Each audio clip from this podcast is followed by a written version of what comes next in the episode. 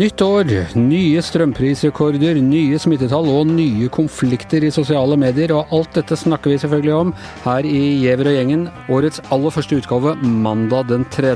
januar 2022. Uh, ja, uh, aller først, uh, velkommen til deg som faktisk er i studio her, Sindre Heierdal. Takk, Anders. Har du hatt en fin jul? Ja, veldig fin. Veldig ja. fin, rolig. Sovet mer enn på lenge. Du har det, ja. og dårlig med juleselskap og sånn? Holdt avstand og Ja da, ja da. Men vi hadde noen ja, med, Det er jo ganske stor familie, da, så det var jo en del der. Og det var veldig hyggelig, det, altså. Men, Men du holdt deg innenfor regelverket òg, Ja, jeg gjorde det. Og vi var i karantene før jul, så vi var jo alle trygge fra, i min lille kjernefamilie, da. Ja. Hva, med, hva med deg, Astrid? Har du hatt en fin uh, feiring?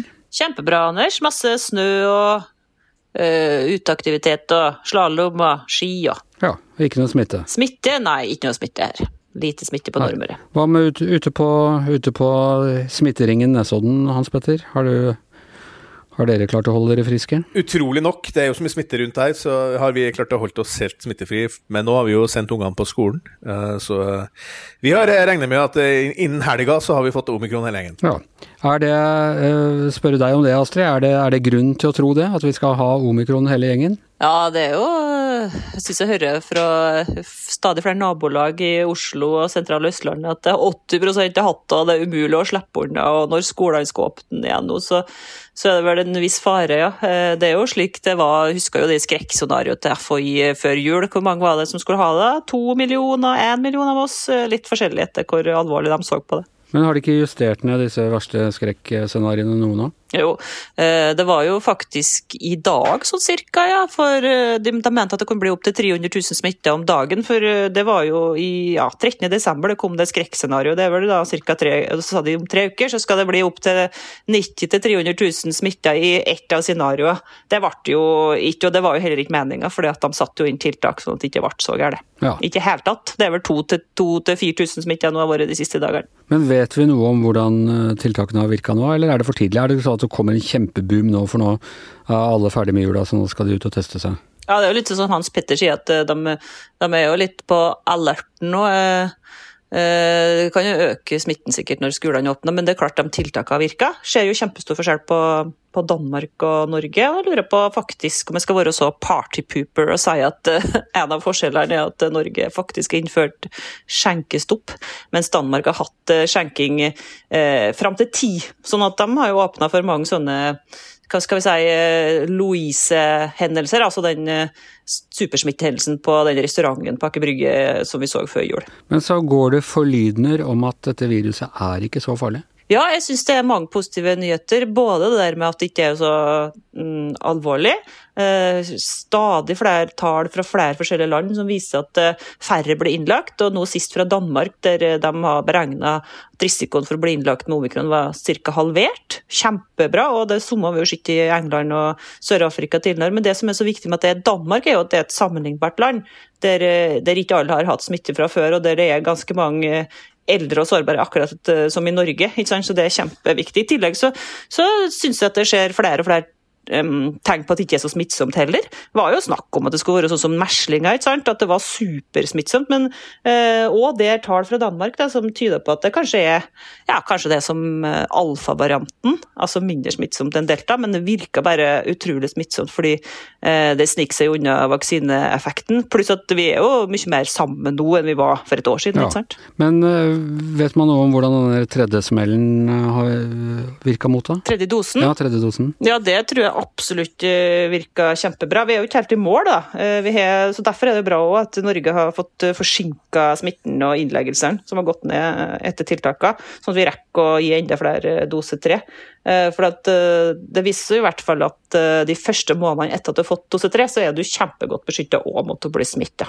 Men hva tror du om tiltakene? Kommer de til å begynne å Når var det, når var det de liksom skulle ta det opp til ny vurdering? Ja, Det er 14. januar, da. De varer til de tiltakene vi har nå. Og du ser jo mer og mer press på, på regjeringa.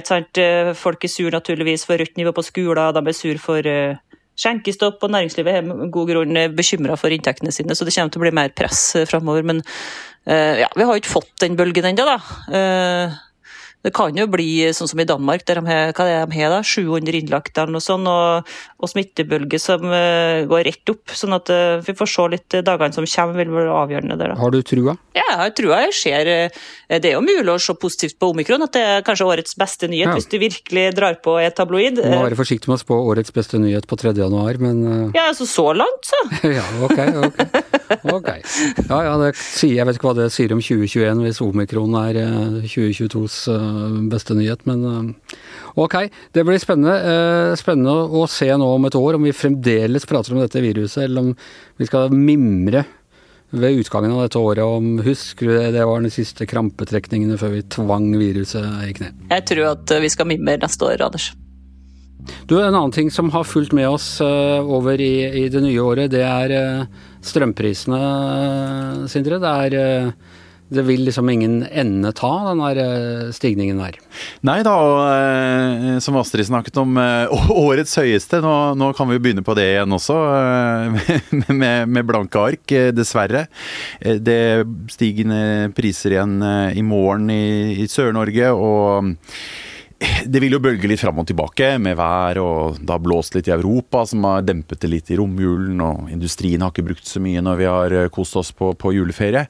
Men det ser jo ikke bra ut for resten av vinteren. Og, det ligger noen sånne gulvplanker der, gassprisen i Europa eh, særlig, som forteller oss at eh, også resten av strømvinteren blir, blir mye dyrere enn vi har vært eh, vant med de siste årene. Men én ting er, la oss si at det er en vinter, og så blir det lave priser etterpå, eller noe sånt. Men, er dette effekten av en egentlig villet kraftpolitikk, eller en, en bestemt kraftpolitikk gjennom lang tid, som nå gjør at strømprisene kommer til å være konstant mye høyere enn eh, det vi er vant til, som, som et liksom effekt av det grønne skiftet og eh, fritt kraftmarked? Ja, svaret på det er jo ja. Eh, fordi vi eh, er en del av et eh, europeisk strømregime mer og mer, med utenlandskablene også. Og når prisene er dyrere i Europa, så eksporterer vi strømmen dit og får gode priser. Og det kan jo være et vinn-vinn for oss alle, for den norske stat, fylkeskommunene, kommunene, skuffer inn. Så hvis vi gir rundhåndet tilbake til forbrukerne, så kan vi alle tjene på det, og vi kan få fart på det grønne skiftet. Men det som er bekymringsfullt når du ser årene framover der, det er jo det at vår økning av, av kraftproduksjon i Norge er på langt nær eh, like høy som det vi kan forvente blir den økte strømforbruket gjennom elektrifisering og elbilene våre og det hele. Ja. Så her er det en mismatch, altså. Og, og det jeg ikke helt skjønner, det er at vi, vi er på Eller altså alle sier at vel, ja nei, det er kraftmarkedet, det kan vi ikke kødde med. Det er liksom en slags eh, naturlov. Eh, men så er det som du sier, det er jo eh, det er jo offentlig eid, disse, og offentlig kontrollert, disse, disse kraftselskapene som nå tjener alle disse penga. Hvorfor er det så vanskelig å få tilbake, eller finne en ordning som gjør at eh, de overskuddet vi da går, de kommer tilbake til eh, strømforbrukerne? Rett og slett ved å, ved å sette ned strømprisen? Nei, det er et veldig godt spørsmål, men eh, de fleste har jo blitt veldig overrasket over at prisene ble så ekstreme som de ble. Det var få som spådde det, selv om vi begynte allerede i september å se det, så er det tross alt ikke så lenge siden heller. Og vi har en ganske fersk regjering som kom på plass eh, først en god stund etter det. Men eh, vi får håpe de jobber på høygir nå, Men er det, er det bare det det står på nå, å finne liksom den beste måten å få gitt disse penga tilbake på? Er det sånn at vi kan regne med at de kommer, det er bare Det er liksom ikke til uka? jeg tror det kommer mer press nå. Og jeg, eh, jeg håper også at regjeringen faktisk kommer med mer.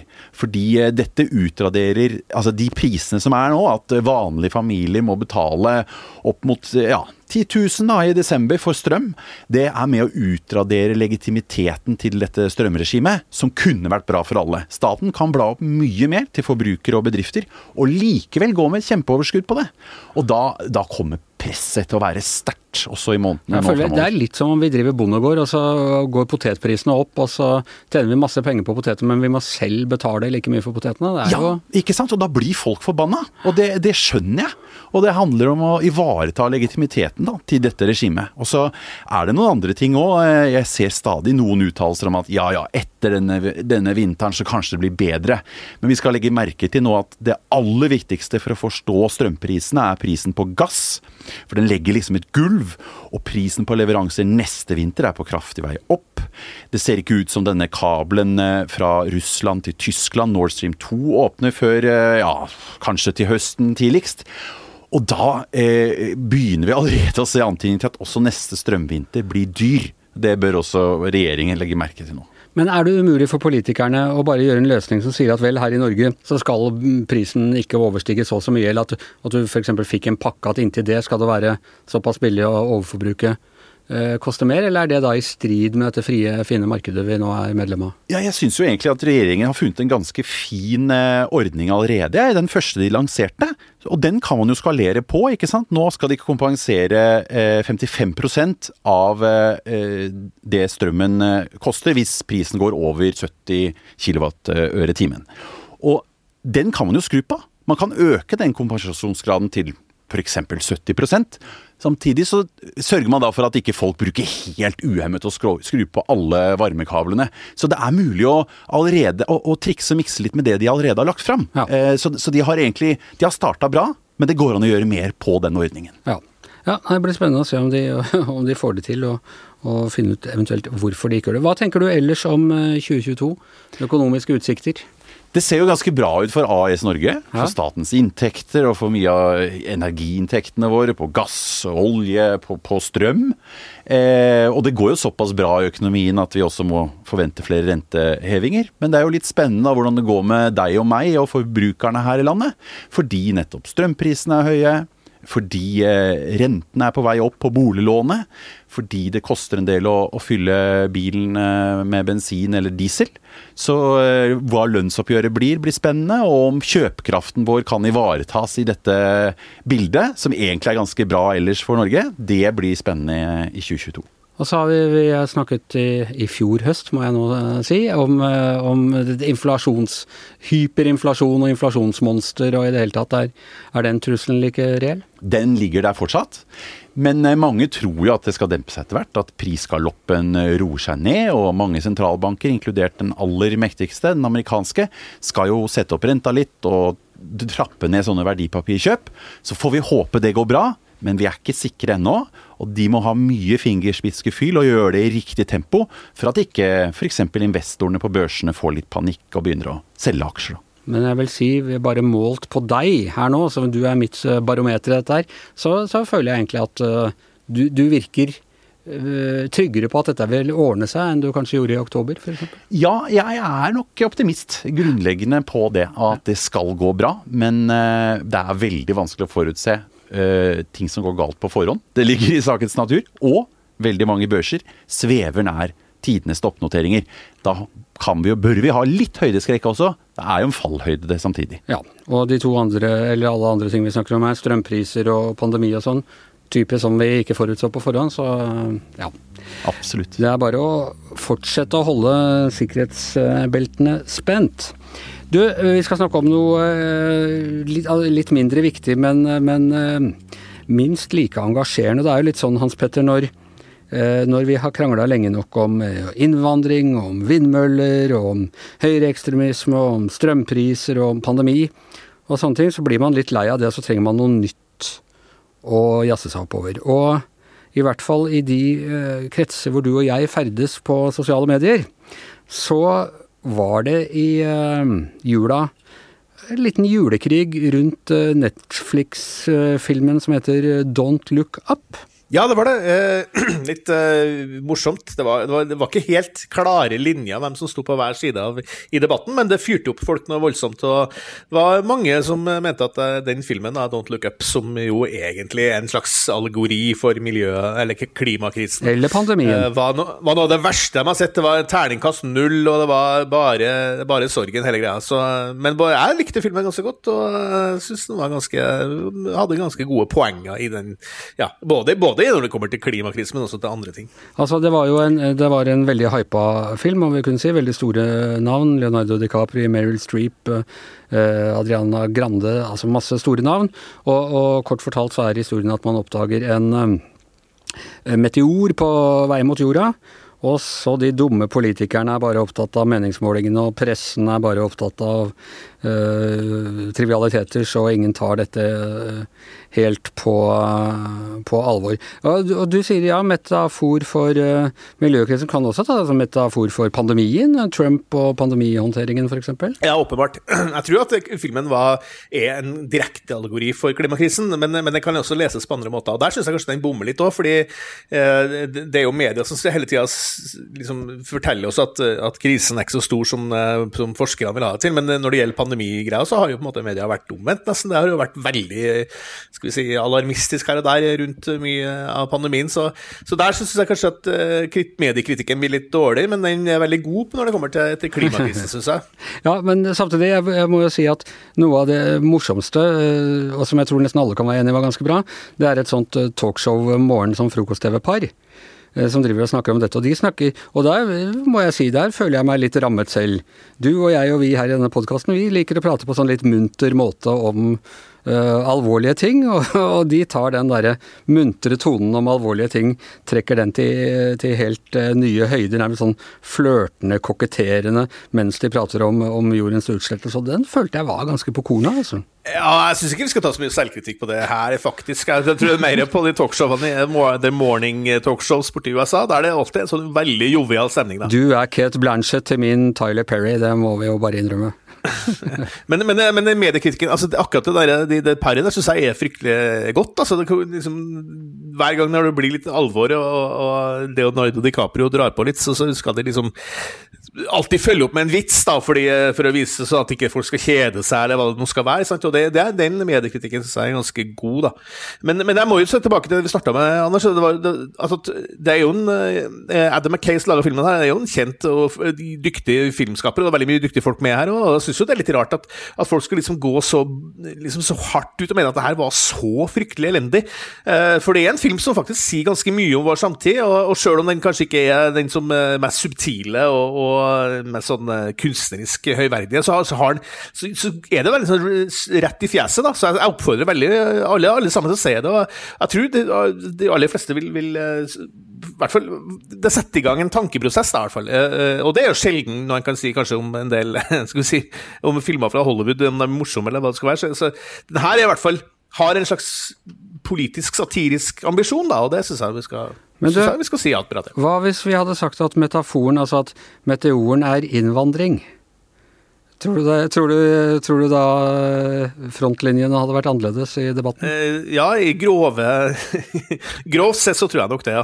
Men altså, det, når det er sagt, så, så, så, skal vi ikke gjøre det her så veldig kulturkrigersk heller. Jeg ser veldig mange på, på, på, på den sida som, som, eh, er veldig som er liksom litt på den klimaskeptiske sida også, som, som syns at filmen er bra, så, og, og, og, omvendt. Altså, det, det, er ikke så enkle eh, linjer her. Men jeg syns jo det, det, var ganske fascinerende å følge med på den diskusjonen, for det var en film film som jeg tror veldig mange så i romjula. Det er jo en, det er en tid hvor vi har, faktisk har tid til å sitte ned og se på film. Da. Ja, jeg ser heller den enn Tante Pose om igjen, for å si det sånn. Eh, Astrid, så du den, eh, så du Don't Look Up? Astrid rister på hodet her. Hva med deg, Sindre? Så ja, du den? Jeg så den, og jeg syns det var veldig underholdende. Enig i det Hans Petter sier. Subtil var den jo ikke i det hele tatt. Men eh, når vi sitter her i 2040 da, og skal se tilbake på hva slags filmer var det vi holdt på med her og nå, så tror jeg den vil stå litt ut. da. For den, eh, ja, den drar fram noen megagreier. Og det er jo litt klassisk at, eller eh, bra for så vidt at klimaforskere rundt omkring i verden sier jo at endelig kom det noe som, som beskrev måten de opplever media opplever politikerne på. da. At, at, det er vanskelig å komme gjennom med, med dystre budskap. Og, og, så, så det vi Men når jeg snakker om det med subtilitet, bare for å si det, altså Den beste endetidsfilmen som er laga, er jo Dr. Strangelove av Stanley Kubrick, fra, som handla om, om Cuba-krisen, og om at vi skal havne i en sånn atomvåpen-ragnarok. Uh, og den, den filmen er, synes, det er en helt briljant film, men den er jo ikke akkurat subtil, den heller. Det, jo, det går jo virkelig brukes jo slås på, på de store, store paukene der også, så, så, det er kanskje ikke det subtile som er det, er det viktigste her. Det viktigste er å faktisk fortelle hva, hva det her handler om, da, og, og, hva som står på spill i de store spørsmålene i ja. vår tid. Og Da vil jeg si at min favoritt-endetidsfilm det er 'Apokalypto' av Mel Gibson. Uh, og Hvis dere ikke har sett den, så får alle det hjemmelekse til i morgen å se den. Så kan vi drøfte den i morgen, hva som er den beste endetidsfilmen. Eh, men har, vi har ikke tid til å gjøre det i dag, for Giæver og gjengen er eh, over. Det er aller første utgaven av 2022. Tusen takk til Hans Petter Sjøli og Astrid Mæland i hvert sitt hjemmestudio. Tusen takk til Sindre Heierdal, som var her i studio sammen med meg, som heter Anders Giæver. Og vår produsent og dommedagsprofet ett år til er selvfølgelig Magne Antonsen.